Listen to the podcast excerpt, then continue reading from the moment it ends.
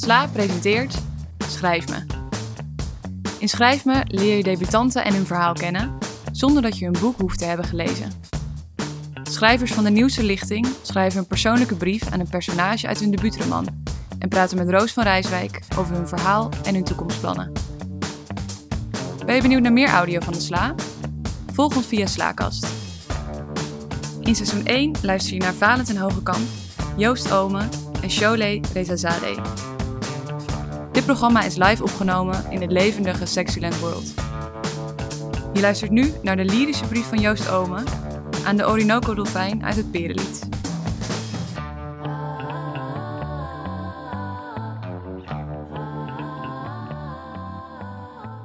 Vanavond gaan er vier schrijvers voorlezen. De vier schrijvers hebben allemaal uh, recent, uh, of iets, in, iets minder recent, een boek uitgebracht. Uh, maar wat is tijd nog ten tijde van lockdowns en pandemieën?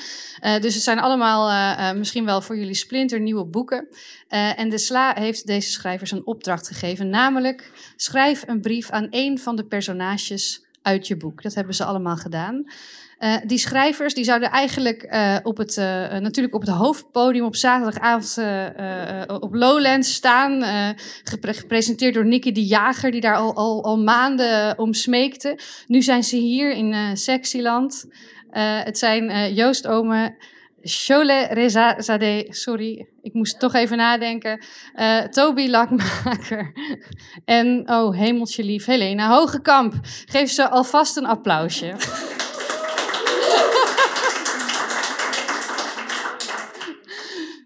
Joost, Joost Omen, wil jij naast me komen zitten? Joost Omen, uh, die heeft ook een boek geschreven. het boek heet Het Perenlied. Uh, en ik probeer dus steeds uit te leggen waar al jullie boeken over gaat. Ik denk dat dit, dit is... Uh, bear with me. Het, ja, het Perenlied... het Perenlied gaat over de bietenkoningin. Een pimpelpaars meisje dat is geboren uit drie bieten en het zaad van haar vader. De bietenkoningin woont aan de rand van Disney World. Of is het Disneyland? Ik weet het nooit. Disney, Disney, World, World ja. Uh, kijkt uit op een rivier waar zo nu en dan een roze dolfijn doorheen zwemt. En zet samen met haar minnaar Gabriel een plan op poten om Disney World omver te werpen. Op een bepaald punt gaat ze ook nog naar New York om op zoek te gaan naar haar vader. Die daar op zoek is naar de man waar hij verliefd op was, maar die is overleden, of in ieder geval verdwenen, bij de aanslagen op het World Trade Center. Ja. Ja? Ja, nu heb je eigenlijk alles waar ik straks over ga vertellen, heb je buitenschot gelaten. Maar dat is voor de rest... Nou ja, precies. Dan hebben we nog iets om ons over te verbazen. Ja! ik noemde hem wel even, de roze dolfijn. Ja, dat is waar. Nou, vooruit. Zal ik gewoon wat doen? Ga maar, ga maar okay. wat doen. Ga maar lezen.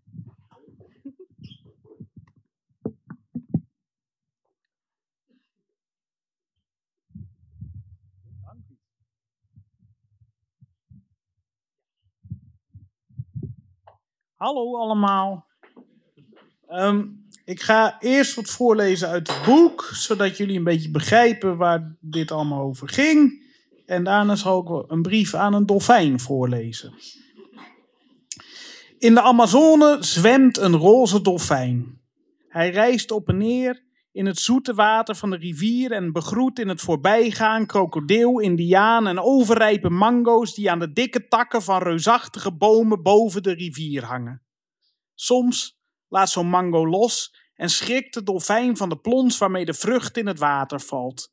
Maar wanneer de zoete mango door de stroom naar de koude zoute zee wordt afgevoerd, zwemt de roze dolfijn vrolijk met hem mee.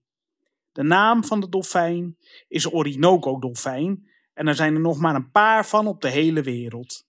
Ze zijn minder slim dan hun zoutwaterbroertjes, maar kunnen wel op hun kop zwemmen. Ze worden 2,5 meter lang en wegen maximaal 185 kilo.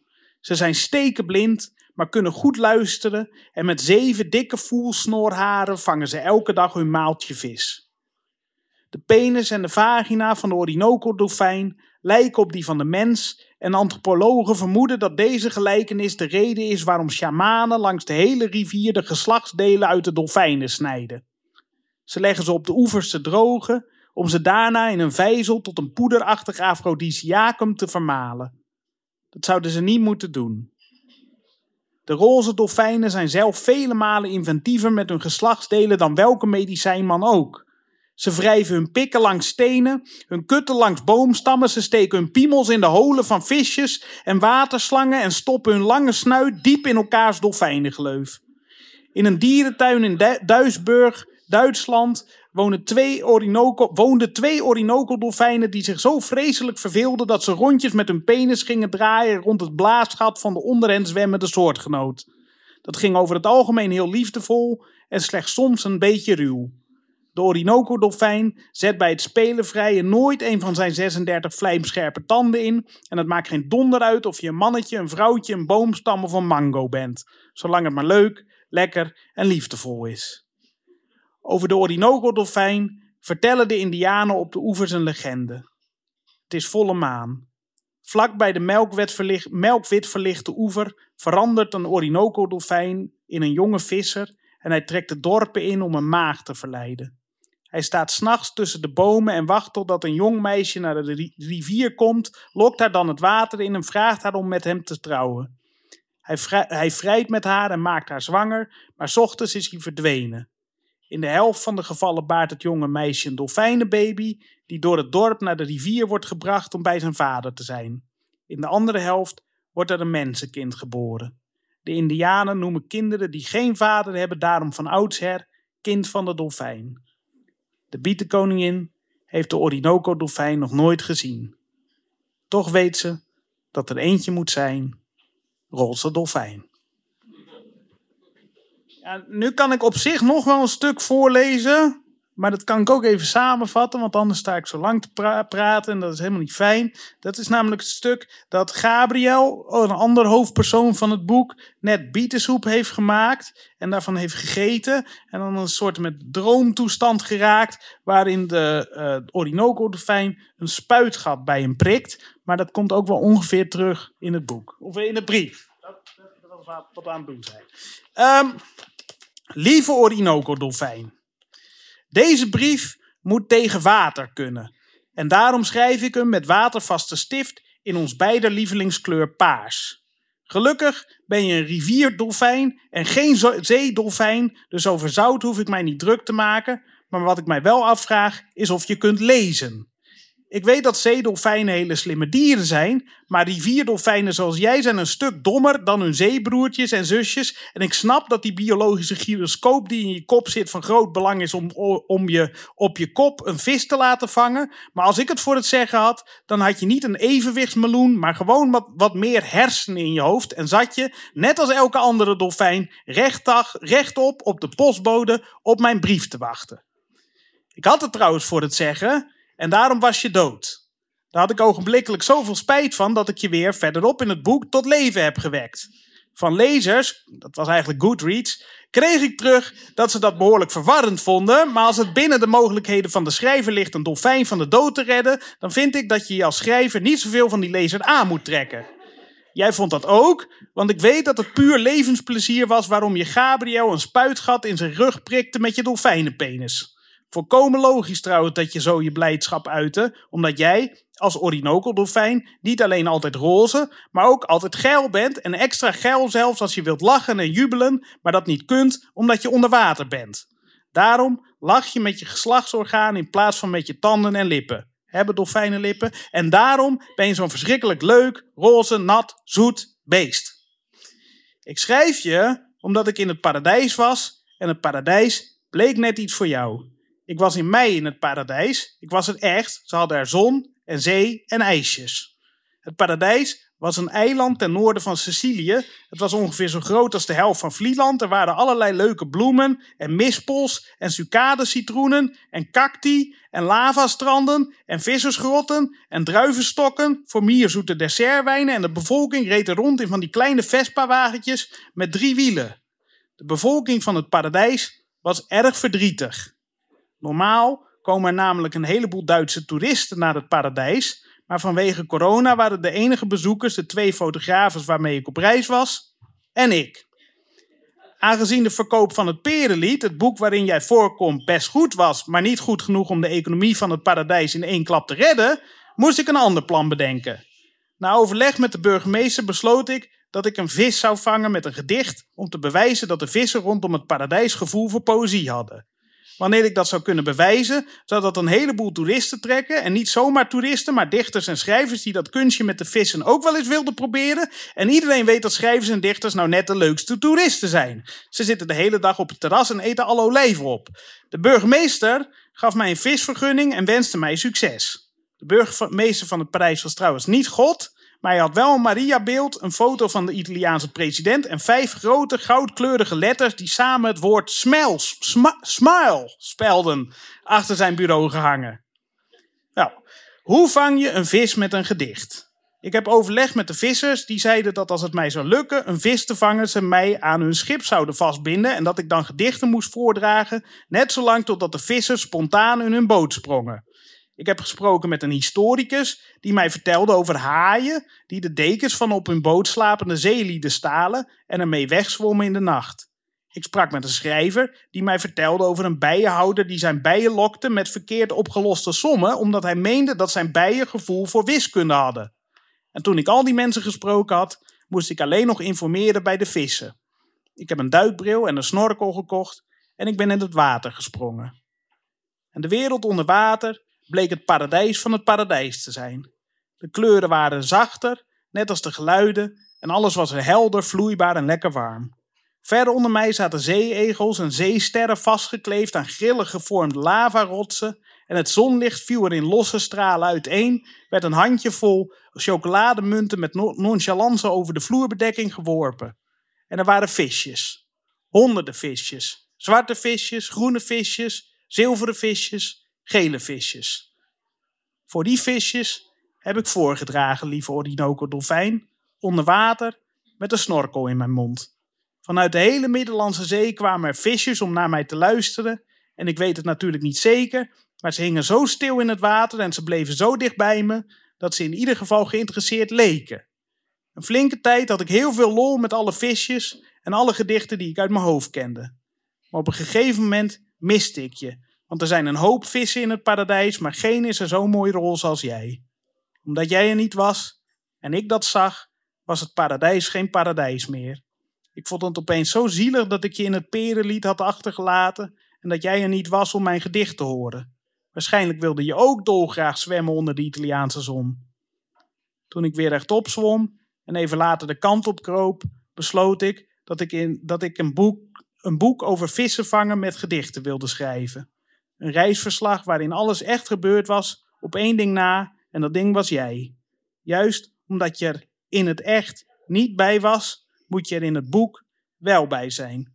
Omdat jij zo goed in het paradijs zou passen, een roze dolfijn als een kroontje of een strik. Een blokje dolfijnenzaligheid. En nu wil ik een groot gebaar maken, want ik wil niet nog een keer na het schrijven van het volgende boek met het gevoel komen te zitten dat ik je tussen de pagina's achterliet. Ik zou een oproep willen doen aan alle Nederlandse schrijvers. Roepen vanaf het balkon, door de brievenbus schreeuwen bij elke uitgeverij.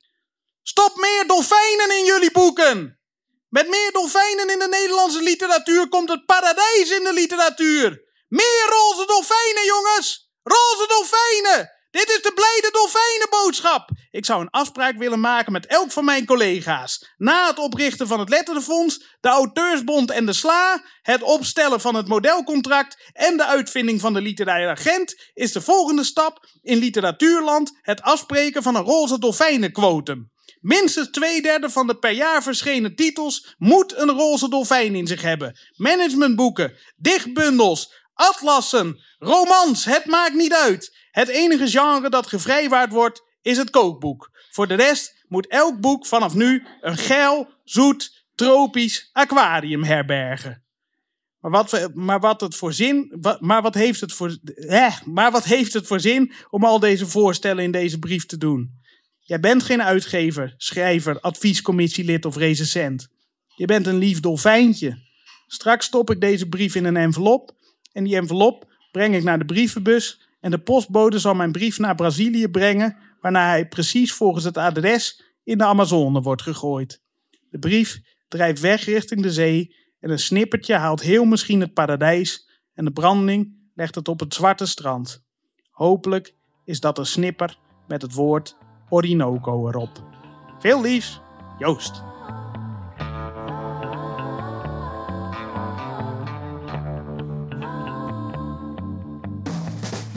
Ik zei net dat de bietenkoning in het perenlied zo af en toe die dolfijn ziet. Ja, Maar ze denkt er alleen aan. ja, eigenlijk wel. Ze heeft hem eh, één keer gezien en dan staat hij al in de fik.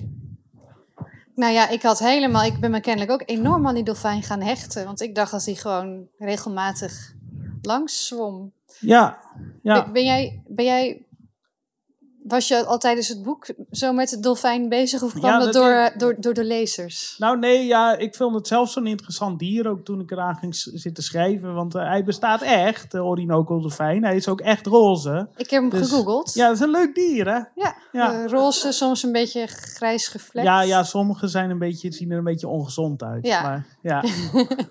ja. Maar ja, Maar, maar het boek was af, de mensen gingen hem lezen. En toen Ja. kreeg je spijt van het feit dat de dolfijn niet groter was in het boek. Nou, nee, niet per se dat het dat spijt dat het groter was in dat boek. Maar ik vond het zielig dat, het, dat hij niet mee mocht naar een volgend boek. Want ik ben, ben nu dan een boek over vissen aan het schrijven. eh, en daar past hij veel beter in. Dat was veel logischer geweest. Maar ja, dat, dat, hij zit vast of, eh, in dat boek. Dus ja, ja, ja, geen idee. Begint het schrijven voor jou altijd met zo'n fascinatie? Want ik weet, ik sprak jou eh, voordat het Perenlied er was. Je was daar een tijd mee bezig, zoals dat gaat als je een boek schrijft. En volgens Ja. mij begon dat met een enorme fascinatie voor fruit. Ja, nou ja, eh, ja, dat ook. Eh, zeker. Nou ja, laat ik het zo zeggen. Voor het perenlied was ik heel erg bezig met, met, met zoetigheid en, eh, en, en eh, vrolijkheid en eh, roze en geilheid en dat soort dingen allemaal. Dus daar past fruit even goed in als een dolfijn. De dolfijn, ja. Maar hiervoor heb ik ook een keer een novelle geschreven. En dat ging bijvoorbeeld over het bijzondere gegeven dat er een, een, een terrorist in Noord-Afrika rondliep met een glazen oog. Die maar steeds dood werd verklaard, die man, en dan weer niet. En dan werd zijn glazen oog weer ergens gevonden en dan weer niet. En dat was het ene gegeven. Het andere gegeven ging over een grote gasexplosie bij een camping in Barcelona, eh, in de buurt van Barcelona, waar eh, een hele camping eh, was weggevaagd en van de vrachtwagenchauffeur die de gastank rondreed alleen nog maar de pols over was. En in dat boek wordt het oog van die terrorist verliefd op die pols.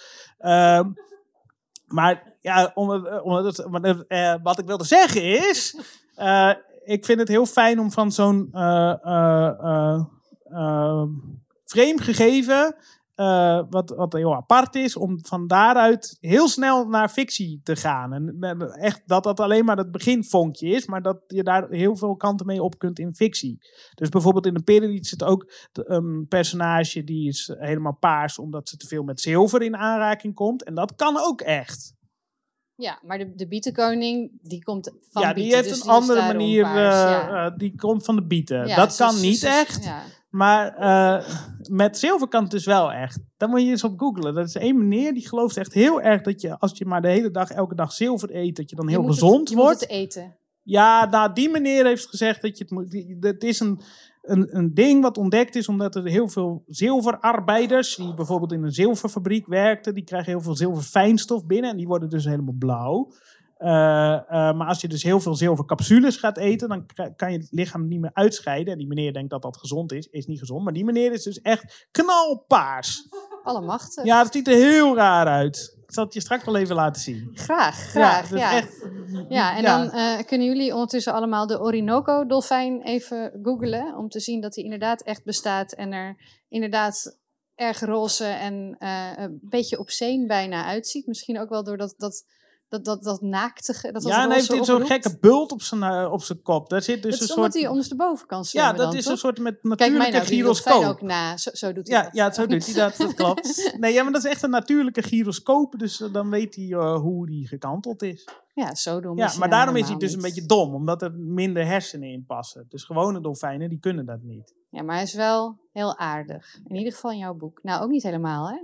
Nou ja, het, ja. Vriendelijke dolfijn. Ja. Anyway, genoeg over dolfijnen. Behalve dan dat natuurlijk de schrijvers die hier allemaal hebben voorgedragen. Dat jullie nu bijna wel verplicht zijn om in de volgende boeken waar we het net over gehad hebben. eh eh, hè, Toby Beldas mag als ze jou niet bellen en zeggen ik weet het al. Ik ga een boek schrijven en er zit in ieder geval een dolfijn in. Ja, oké, heel fijn. Fijn. Eh, Joost, bedankt voor deze bijdrage aan al deze toekomstige boeken over en met dolfijnen. ja, ja, ja, ik en, weet niet of ik eh, het zelf allemaal ga doen hoor. Maar eh, Nee, Ja, nou moet het wel, hè? oké. We kijken zeer uit naar de dolfijn tussen de vissen die naar je gedichten luisteren. Dankjewel.